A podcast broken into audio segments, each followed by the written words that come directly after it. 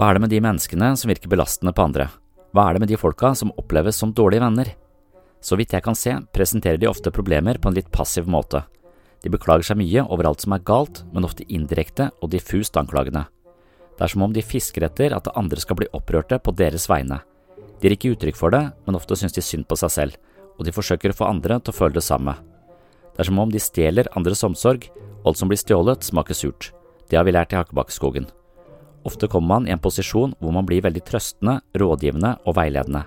Man forsøker febrilsk å hjelpe den andre, men den andres problemer er så store at de er dømt til å mislykkes. Vi får ingen følelse av å være til hjelp, men blir langsomt innhyllet i den andres følelse av håpløshet og maktesløshet. Den andre har satt sine tunge poser i vårt fang, og vi går fra samtalen med en type overlast vi ikke hadde fra før. Vil du høre mer om dårlige venner, kan du høre episode 188 på min podkast Sinnssyn.